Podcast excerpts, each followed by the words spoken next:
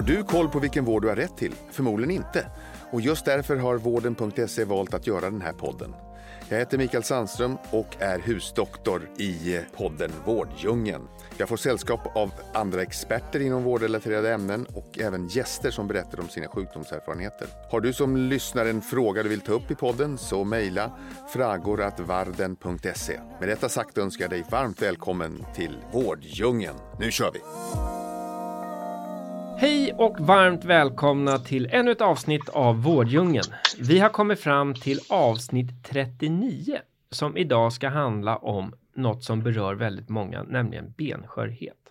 Jag heter som vanligt Staffan Gustafsson och bakom den här podden så står ju vi på vården.se. Och med mig som gäst har jag en väldigt välbekant och välkänd röst, nämligen ingen mindre än vår egen husdoktor Mikael Sandström. Välkommen Hej. Mikael! Hur mår du? Ja, tack, tack så mycket. Jag mår alldeles prima Ja, härligt att liv. höra. Ja. Du, jag nämnde ju här i introt att eh, vi ska ju prata om benskörhet idag och eh, det är ju faktiskt du som tog upp att du vill prata om det här.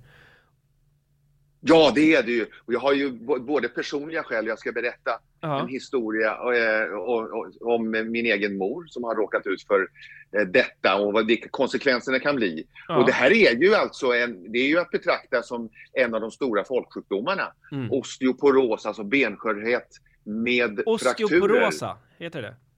Ja, och just det, osteoporos. Ja, det, lå- det, beskriver, osteo är ju ben och poros är porös. Ja, ja, kan man väl säga. Det, det är för, en försämrad eh, mikroarkitektur.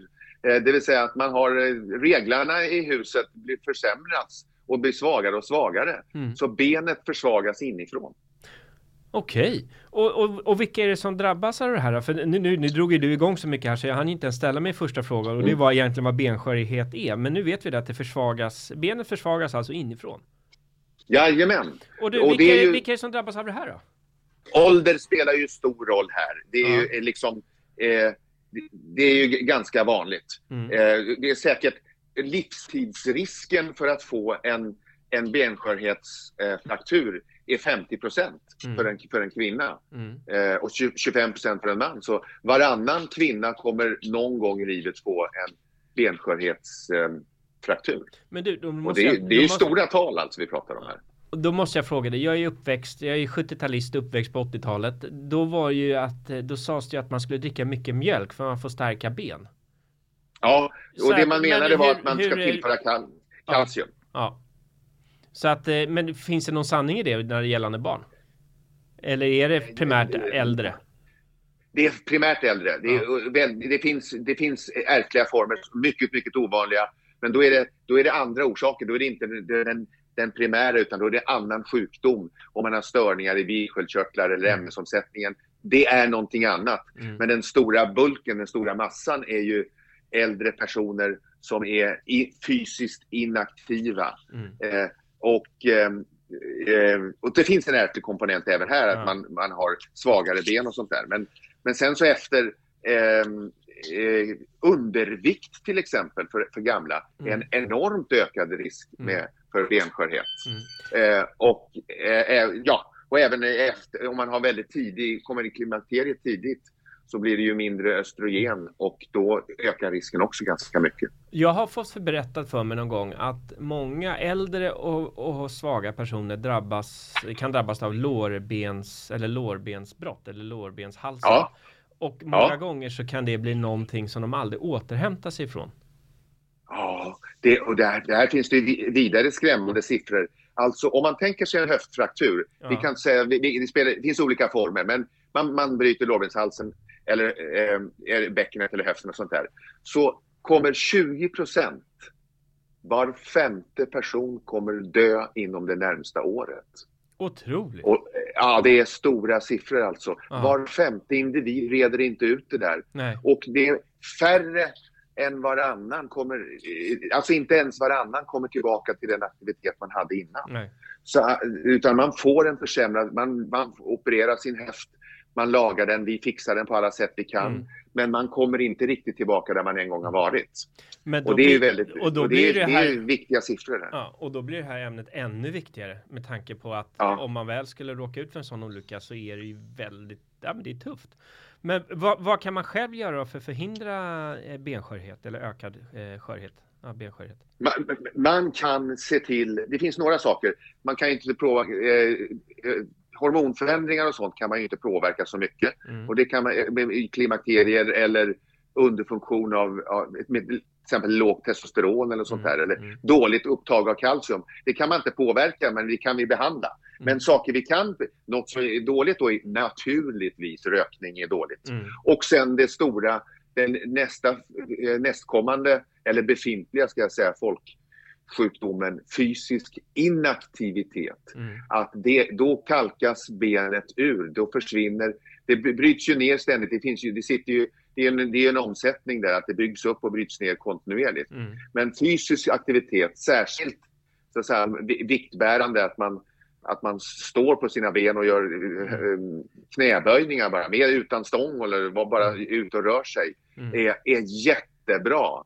Och det förhindrar benskörhet mm. jättemycket. Och, och det... Så det är den stora grejen. Ja, ja, ja. Nej, vi har fått in en, en, fråga från en lyssnare här som frågade då att de ja. hade hört att det var viktigt att belasta eh, skelettet ordentligt för att bygga upp det. Så att det måste vara ja. det här som du pratar om nu.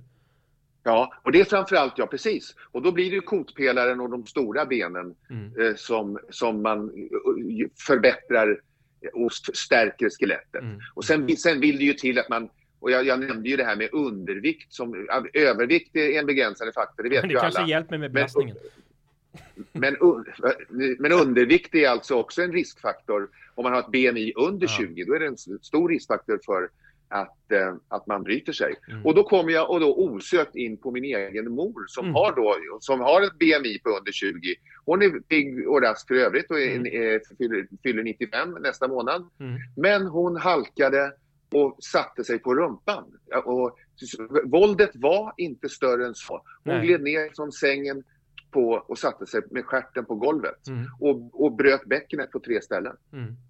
Oh, eh, och, ja, och det är typiskt sådana såna här benskörhet. Det pallade inte. Nej. Om du eller jag hade så hade vi fått ont i, i rumpan men inte mm. mer. Mm. Men hennes bäcken höll inte. Nej.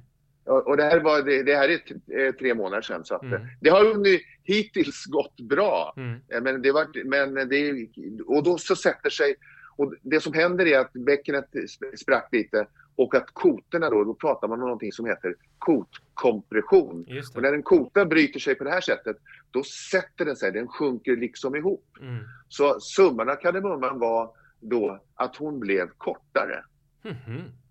Eh, och då, då, blir ju inte, det går ju inte att gipsa en kota kan ju folk nej. förstå hur, hur, man gör det, utan den sjunker ihop alltså. Mm. Och det, det, där, det, den kan ju aldrig återfå sin, sin mm. ursprungshöjd och, eh, och, eh, och, de, och, det kan göra ganska ont. Mm. Så att här, det här är det viktigt att vara välnutrerad, mm. se till att man får i sig och det här kan man ju, det här kan man alltså mäta och är man mm. osäker, man har ärftliga faktorer som gör att man, man kan misstänka det eller att du har, båda mina föräldrar har brutit höften till exempel. Mm. Det kan vara en, en, en, en ögonbrynshöjare som säger här kanske man ska kolla. Och det mm. kan man mäta mycket enkelt med en röntgenundersökning. Jättelite strålning är det. Man ja. kan göra en enkel bentäthet bentäthetsmätning mm. för att få en indikator på ja, men jag behöver kanske extra kalcium, mm. jag behöver kanske extra D-vitamin mm. som vi behöver i, i vårt mörka land mm. där D-vitaminbrist är jättevanligt. Mm.